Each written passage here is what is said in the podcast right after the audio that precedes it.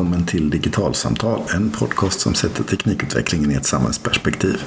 Den här inspelningen som ni ska få höra nu, den spelades in under Almedalsveckan och är ett samtal om skolutveckling och digitalisering och vilka utmaningar vi står inför när det kommer till ledarskapet och digitaliseringen.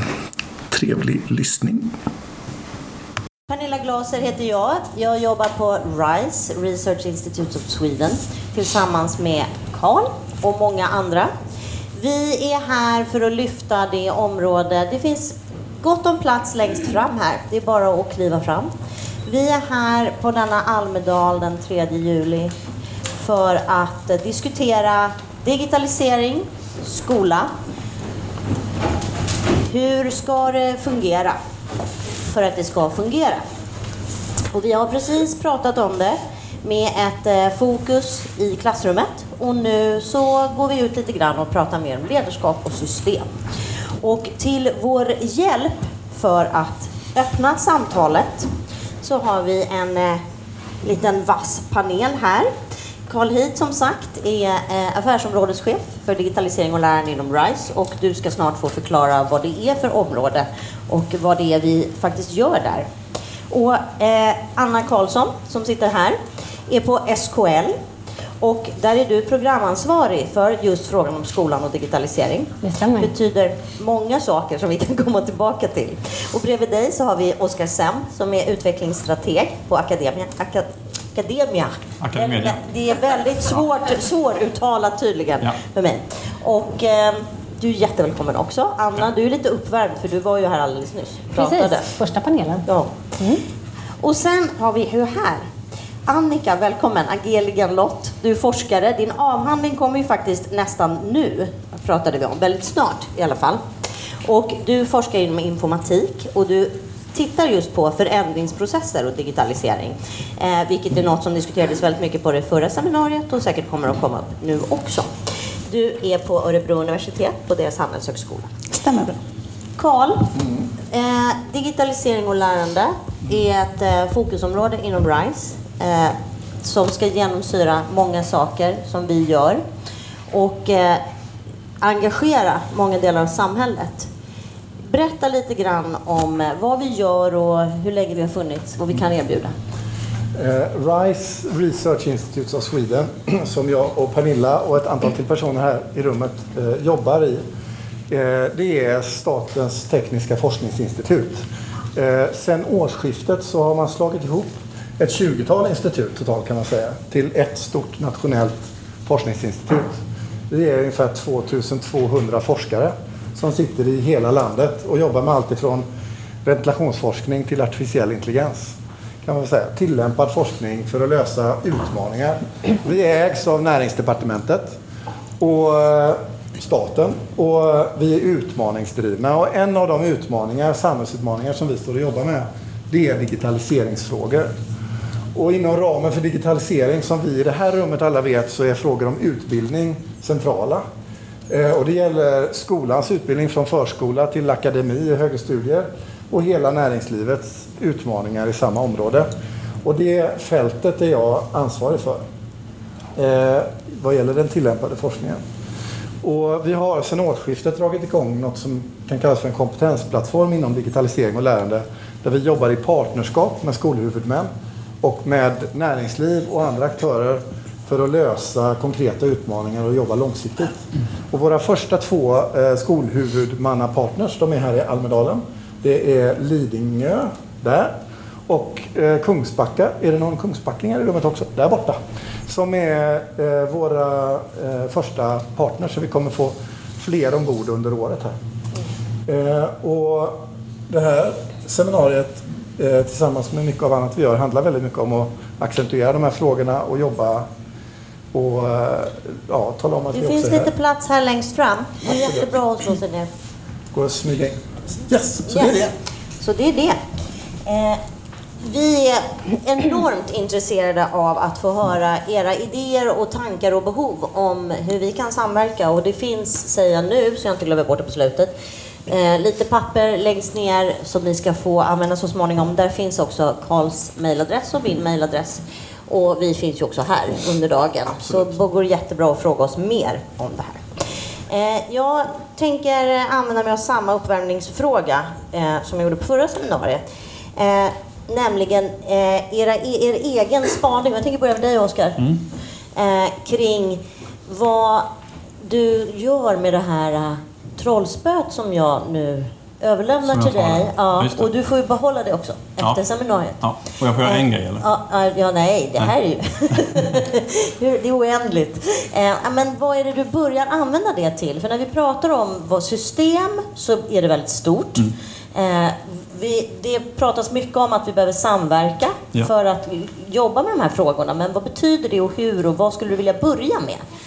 Vad är första, första spaningen från dig? Här vill jag börja. Eftersom jag, jobb... ja, jag ska säga, jag jobbar, bara för kontexten, jag jobbar som utvecklingsstrateg på Akademiens teoretiska gymnasieskolor främst. Så jag jobbar liksom inte koncernövergripande, det är lite väldigt stort. Eh, men vi har ett antal olika segment med förskola, grundskola, gymnasieutbildning och vux. Och inom flera av de här segmenten, de här delarna, börjar man förstå att man behöver ha personer som jobbar centralt med digitaliseringsfrågor. Så jag ska bara säga det först. Mm. Men det blir ändå att en del frågor blir lite koncernövergripande också.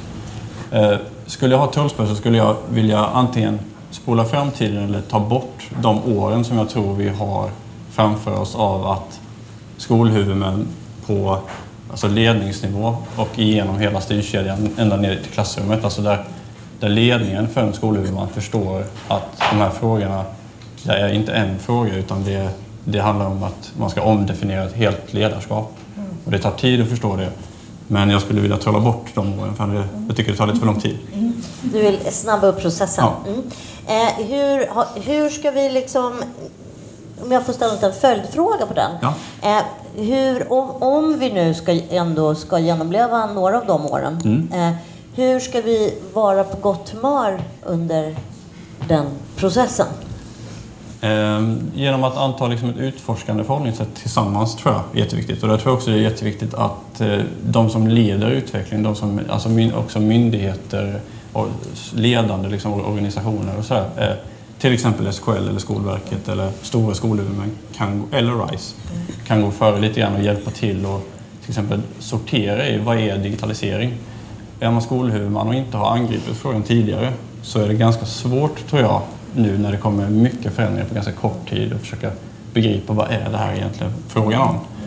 Hos oss så pratar vi ganska mycket om eh, att göra någon sorts operationalisering eller sortering av digitalisering. Vad, vad innebär det? Det vet jag att Skolverket har försökt göra lite grann också. Alltså, vilka delar är administration, vilka delar rör undervisning, vilka rör in, indirekt undervisning. Göra det hanterbart, ja, orienterbart. Ja, och vilka styr vår organisationsform och sånt där. Och när man har gjort det så börjar man få en klar bild av ja, vad vill vi? Liksom? Utforskande förhållningssätt och tydlig, tydlig kartläggning och ja. kategorisering. Mm. Eh, varsågod Anna, du får ditt andra trollspö här idag. ja, precis. Eh, och jag tror att jag använder det delvis på samma sätt som jag gjorde faktiskt på första panelen och hakar på det som Oskar säger. För att vi ägnar ganska mycket kraft idag åt att prata om huruvida digitalisering hör hemma i skolan och utbildningssektorn. Och det skulle jag önska att jag kunde svepa undan med det här trollspöet och istället att vi kunde ägna tiden åt att prata om hur vi nyttjar digitaliseringen på bästa sätt. Eh, både för lärande men även för att skapa en, en bra arbetssituation för både pedagoger och skolledare. Eh, jag skulle också vilja skapa en, en, situation där skolledare har betydligt mycket mer tid för det pedagogiska ledarskapet än många skolledare har mm. idag. Det tror jag är enormt viktigt för att vi ska kunna komma framåt på ett bra sätt gemensamt i den här frågan. Både för att hitta det som fungerar bra och för att undvika eh, fallgropar.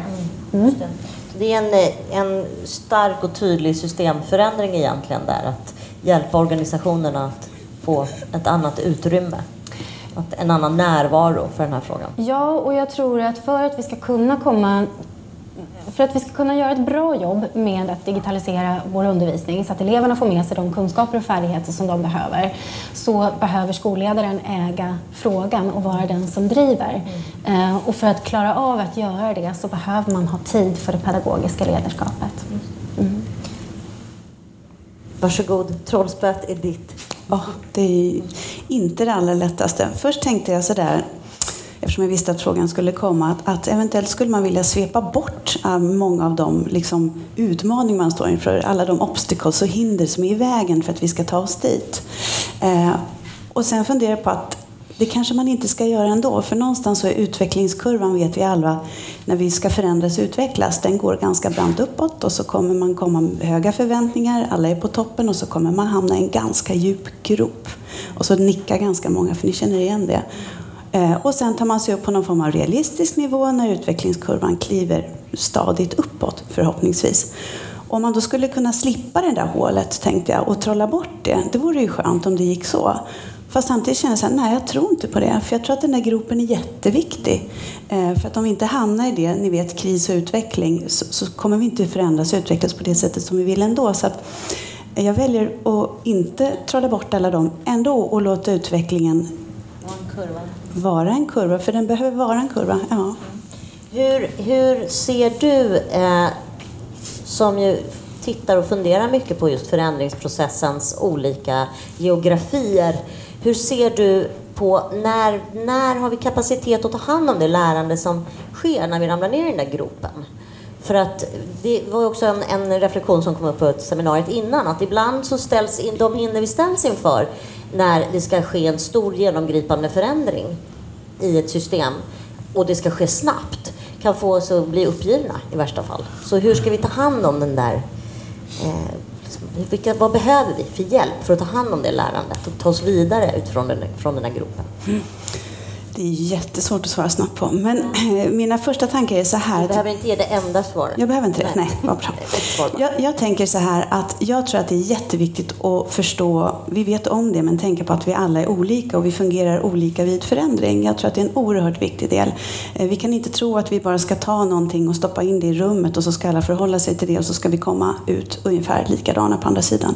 Utan vi är olika och vi agerar olika. Och om vi tar till oss det och, och, och, pratar om det och förstår vad som händer med oss när vi utsätts för förändring och utveckling, då är eh, chanserna ganska mycket större att vi på olika sätt kommer ungefär mot samma mål.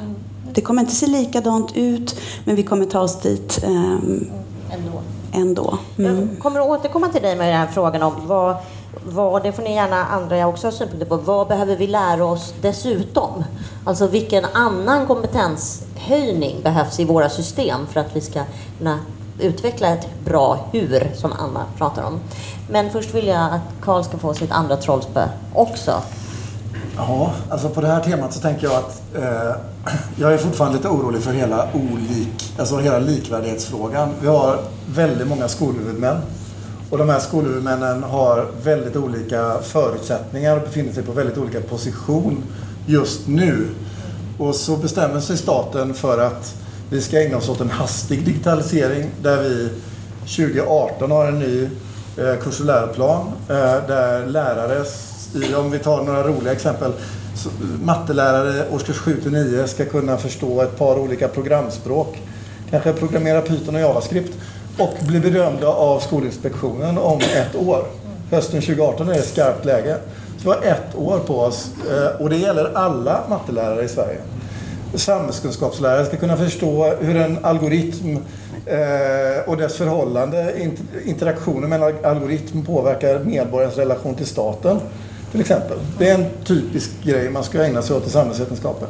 Så det finns eh, oerhörda kompetensutmaningar på väldigt kort tid och här har skolledarskapet en central roll. Och det som gör mig orolig och det jag vill använda trollspöet till det är eh, de skolhuvudmän som överhuvudtaget ännu inte har börjat.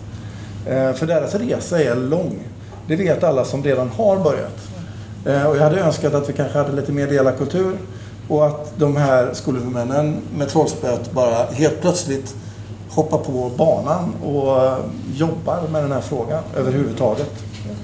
Kan du ge något exempel på ett, eh, en bra, ett bra sätt att hoppa på banan? Alltså, visa, visa, beskriv lite hur det kan se ut att de tar det klivet och också kunna så här, hitta kompetens och kunskap hos kollegor och Alltså det finns ju många sätt att göra det på. Alltså, eh, idag så erbjuds ju skolhuvudmän många möjligheter för att kunna jobba systematiskt med ett utvecklingsarbete. Skolverket har eh, eh, alldeles härom månaden dratt igång en nätutbildning, Leda digitalisering, som de förväntar sig att alla skolhuvudmän engagerar sig i. Det är ett bra sätt, tycker jag, att hoppa på tåget. SKL jobbar mycket med de här frågorna men sen är det varje skolhuvudmans ansvar att jobba med det här. Och det är en grannlaga uppgift och det är förvaltningsledningens och den lokala politikens uppgift eh, att stödja verksamheten i det arbetet. Jag tänkte att vi skulle komma in lite grann på det här med resurser alldeles strax. Men först så vill jag fråga, och jag börjar hos dig Anna, men jag vill gärna höra era andra synpunkter också på det.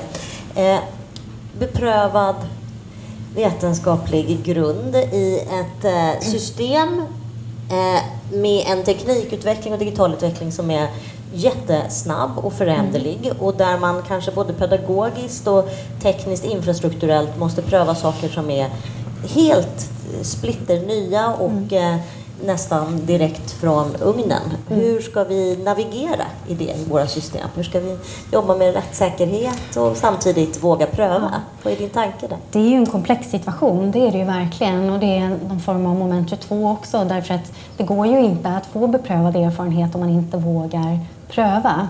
Samtidigt som man naturligtvis inte kan använda elever som någon form av försökskaniner för att det är deras utbildning vi pratar om. Eh, inom teknikföretagen så pratar man ju om, om, fail fast och det är väl lite så man kanske får, får jobba i skolan också. Att man faktiskt vågar prova men också gör ordentliga dokumentationer av de prövningar som man gör för att se resultatet, för att utvärdera det, för att snabbt kunna eh, förändra, förbättra och utveckla så att det hela tiden leder till eh, positiva resultat. Mm. Jag vet att Oskar har något att säga om det här också. Eh, ja, ja, jag tänker på, alltså när man väl tar, delar kunskap så handlar det också om att kunna omsätta kunskapen och implementera till exempel ett arbetssätt. Om man nu tar, det finns ju framgångsrika exempel där kommuner har jobbat med datorer så där det har gett resultat. Men om man ska ta ett sådant arbetssätt och överföra det till en kommun där man inte, alltså vem tar emot mm. den kunskapen och vem förankrar, implementerar och vem liksom driver en sån process. Det är många kommuner tror jag, skolhuvudmän som inte har en organisation för det eller inte har en kapacitet för det. Och då, då räcker det liksom inte bara med att dela utan man måste också tänka på att bygga kapacitet ute i Sverige. Just det. Och då ställer jag nästa fråga till dig också som, mm. är, som handlar just om eh, resurser. För ja. att vi pratar om, om, ökad tid och vi pratar om att bygga, behöva bygga organisationer och ge kompetens. Mm. Och det kräver ju någonstans resurstilldelning. Hur, hur ska vi tänka och hur ser du på det? Vi, ja, det ska man också tänka kanske lite annorlunda för vi är ju vana vid att inte alla kanske, men man, man lägger en kanske stor budget på huvudmannanivå för en skola eller för skolverksamhet och den, i den finns det i regel inte supermycket utrymme för, för liksom, ganska kraftiga innovationsprojekt och utvecklingsprojekt. Särskilt inte när kanske de kopplat till digitalisering utan man har, när man pratar IT till exempel då, så pratar man IT och då kanske man pratar, det ska lite pengar till någon lärplattform och lite sådana saker. Men, man, men det finns kanske varken pengar eller personella resurser till att driva den sortens utveckling. Hos, i, bara i min roll så är ju det liksom någon sorts kvitto på att här har man vikt resurser för att ha en person som jobbar med detta. Mm. Snart får jag dessutom en kollega så vi är två som jobbar med gymnasiesegmentet. Mm. Vi har 104 gymnasieskolor så man behöver vara några stycken. Då. Mm. Ehm, och sen behöver man också samla sig runt att det är återigen att det inte är en IT-fråga utan att rätt för det så förstår man också att det är, det är en elevhälsofråga. Det, är en, alltså, det växer. Liksom. Just det. Ja. Det, är, det, blir mer komplexa system än att de bara kan isoleras under ja. en kategori. Ja. Mm. Eh, jag, jag, skulle gärna komma bort till dig om en liten stund Karl och fråga om det här med resurshantering och pilotprojekt när man skalar upp. För att eh, vi jobbar ju mycket med piloter inom RISE. Men det är ju skillnad att göra piloter i den lilla skalan och i den mycket stora skalan. Men innan jag landar den frågan hos dig så vill jag fråga dig Annika om det här med vad vi behöver kunna för att börja jobba med huret i digitaliseringen. Och koppla an lite till det Oskar säger att det är inte isolerade frågor utan det här är någonting som rör sig över ämnen och ut ur olika fält. Och vilka, vilka kompetenser ser du att vi behöver utveckla i våra skolor för att hantera det här. Mm, och nu tänker du på lärare och ja. skolledare och så. Ja, det är en hel del olika kompetenser naturligtvis man bör utveckla. Jag tror att man också måste, jag vill bara koppla lite, kroka i det här med, med beprövad erfarenhet och vetenskaplig grund. För att någonstans, om vi ska utveckla kompetenser för idag och för framtiden så behöver vi våga prova saker. Och jag får ofta den frågan, men det, det vågar vi kanske inte göra för det finns ingen forskning på det än så länge. Vi måste vänta in forskningen. Eh, men vi får inget att forska på om det inte finns någon som har provat. Någonstans så blir det som ett moment 22. Forskningen behöver praktiken. Ja, så är det. Och, det. och då behöver man vara modig och göra det. Och jag tror en jätteviktig kompetens som vi behöver ha, det är faktiskt mod. Vi måste våga prova. Men vi måste också våga analysera utkomsten av det vi provade. För att det är väl kanske där vi fallerar ibland. Man testar saker och så hoppar man från den ena tuvan till den andra. Men om man faktiskt har ett, ett sikte inställt och så vågar man testa iterativt, upprepande och, och, och i, i, praktiken. Men sen också teoretiskt analysera vad fick vi för utkomst av det här? Det tror jag är sånt vi behöver bli mycket bättre på. För vi, vi kan vara bra på att prova men vi är inte alltid så uthålliga så vi tittar på vad hände egentligen och ta hjälp av varandra då? För jag tänker att där kan det vara ganska besvärligt att vara ensam. Där har man en jätteviktig del och det har vi olika erfarenheter från. Att, och det nämnde Karl innan, det här med delakultur. Och det, det kan lätt bli ett buzzword lite så, vad är en delakultur egentligen? Men en delakultur värd namnet, det, det är ett kollegialt lärande som är professionellt och där man faktiskt hela tiden utvärderar och analyserar det man gör. Eh, inte bara i samtal eller i kort, utan man faktiskt eh, över tid tittar på utkomsten. För att man måste våga göra saker, man måste våga utveckla nya kompetenser men man måste också våga bestämma sig för att det här provade vi och det kanske inte var fullt ut helt rätt. Då ska vi inte göra det, då ska vi göra någonting annat. I iterativa processer så jobbar man mycket med prototyper och piloter och test och så. Och när man ska skala... Oh, det där var lite gammaldags pennor, tror jag, som ramlade ner i golvet. Ett ljud från det förgångna. Eh, hur fungerar Vi pratar om, du målade just liksom den här bilden vad vi står inför. Vi har ett år, eh, lite så här skarpt ritat, eh, brådskan och volymerna. Hur ska vi jobba iterativt och storskaligt och vara kloka med våra resurser där i pressade system? Alltså det finns ju en jättestor utmaning och det är ju att vi har ett oerhört fragmenterat utbildningssystem. Där beslut fattas på en decentraliserad nivå och när man då ska göra en hastig förändring på en stor systemnivå då krockar de två styrningsmekanismerna lite grann mot varandra. Även om det kan finnas andra fördelar i andra lägen och så. Och just vad gäller då att liksom ta någonting eh, till att börja med i första kurvan till beprövad erfarenhet. Det handlar ju om att någon lärare, någon skolledare någonstans gör någonting i ganska liten skala och tänker aha, det här är himla bra. och delar det i något format med andra. Och kan man då hitta system och strukturer där den möjligheten att dela går över huvudmannagränser till exempel, så har man väldigt mycket nytta. Vi har sedan tre år inom det här området en eh, Vinnova-finansierad testbädd som heter Makerskola som handlar om programmering och skapande mit som material eh, och den här typen av frågor. Och där vi just har försökt att bygga en, en infrastruktur för de 20 skolhuvudmän, akademiska forskningsmiljöer och så som är med i sammanhanget och där man kan ta en individs lärande, göra det till beprövad erfarenhet genom att testa det på några andra ställen. I nästa skede föra in en forskare eller två som gör ett, liksom tar ett segment, prövar någonting, tar det till nästa steg. Och den modellen tycks funka hyggligt. Jag skulle gärna vilja se den typen av testbäddar i många områden, i många olika sammanhang och med många olika ägarskap. Eh, och vilka, liksom, hur, om jag ställer den frågan, jag kan ställa den till dig, men jag skulle också vilja ställa den åt det här hållet i panelen till er. Här, vem ska driva vad, så att säga, i de här systemen? För det är många aktörer. Alltså min uppfattning just nu det är ju att den, om vi tittar utifrån det testbäddsarbete vi själva bedriver så kan jag se att eh, forskarna i de akademier som är med, de är väldigt glada i att vi som institut håller i infrastrukturen. För det gör att de kan fokusera på sin forskning. Enskilda skolhuvudmän vill lägga sitt fokus på sig själva. Det är också uppgiften de har i, i, i förvaltnings och kommunallag och uppdrag som fristående skolhuvudmän. Så jag tror att man behöver hitta liksom kloka sätt att dela på resurser och dela på kompetens. Och här ska vi inte sticka under stol med att jag tror vi behöver näringslivet också. Eh, för vi behöver kunna använda verktyg och ge feedback till de som vi köper saker av när vi inte är nöjda för att få bättre produkter. Och vi behöver kunna tala om när saker är riktigt bra. Så alla har olika roller i det ekosystemet tror jag. Och hur, hur, ser du på det, Oskar? Vem som ska göra vad? Så här, vad, är, vad är politiken och vad, vad är er roll och vad är forskningen? Så hur, vad kan vi driva och hur ska vi driva gemensamt? Ja, alltså dels så kan man jobba med, dels så finns ju Vinnova-stöd som är en jättebra grej, men jag tror som Karl är inne på, så om man nu tar det som jag var inne på förut med hur man budgeterar till exempel för innovation och utveckling, så får man ju också mer kraft om man kan gå ihop om saker och ting. Och om man kan också dra erfarenheten av det som sker i ett projekt då, och man kan sprida det lite bättre. Så det finns ju många, och det finns, så det är liksom ett lite annat sätt att tänka, mm. tror jag, eh, som ska till framförallt. Och det tror jag också Eh, om man nu tar en del av digitaliseringen är ju det digitala innehållet som vi jobbar med, alltså digitala läromedel, provverktyg.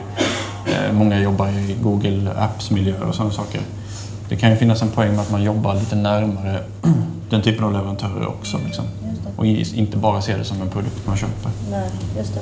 Mm. Hur, hur, ser du på det här Anna, om du får sista ordet för den här rundan innan ja. vi ska jobba uh. lite med varandra?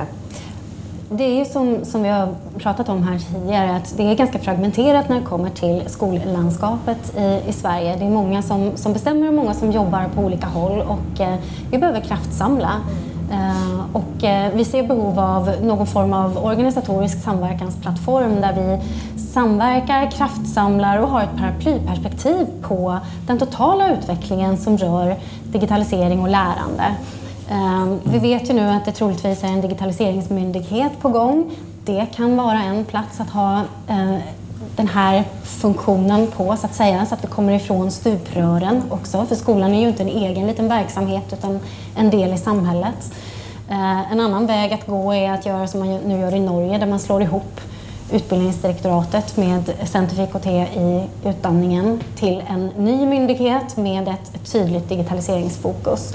Men på något sätt så behöver vi samverka mycket, mycket mer och det är spännande det här när det kommer till Eh, när jag eh, representerar SKL då, som är kommunala huvudmännens organisation så, så är det kommunala självstyret ganska starkt men just när det kommer till de här frågorna så känner många av våra politiker att vi behöver samverka. Det finns ingen anledning att vi gör samma sak 290 plus alla fristående gånger. Utan mer samverkan, mer samarbete. Så värdet är identifierat och vi behöver bara ha lite bättre verktyg för att ja. hjälpa oss att komma dit. Mm.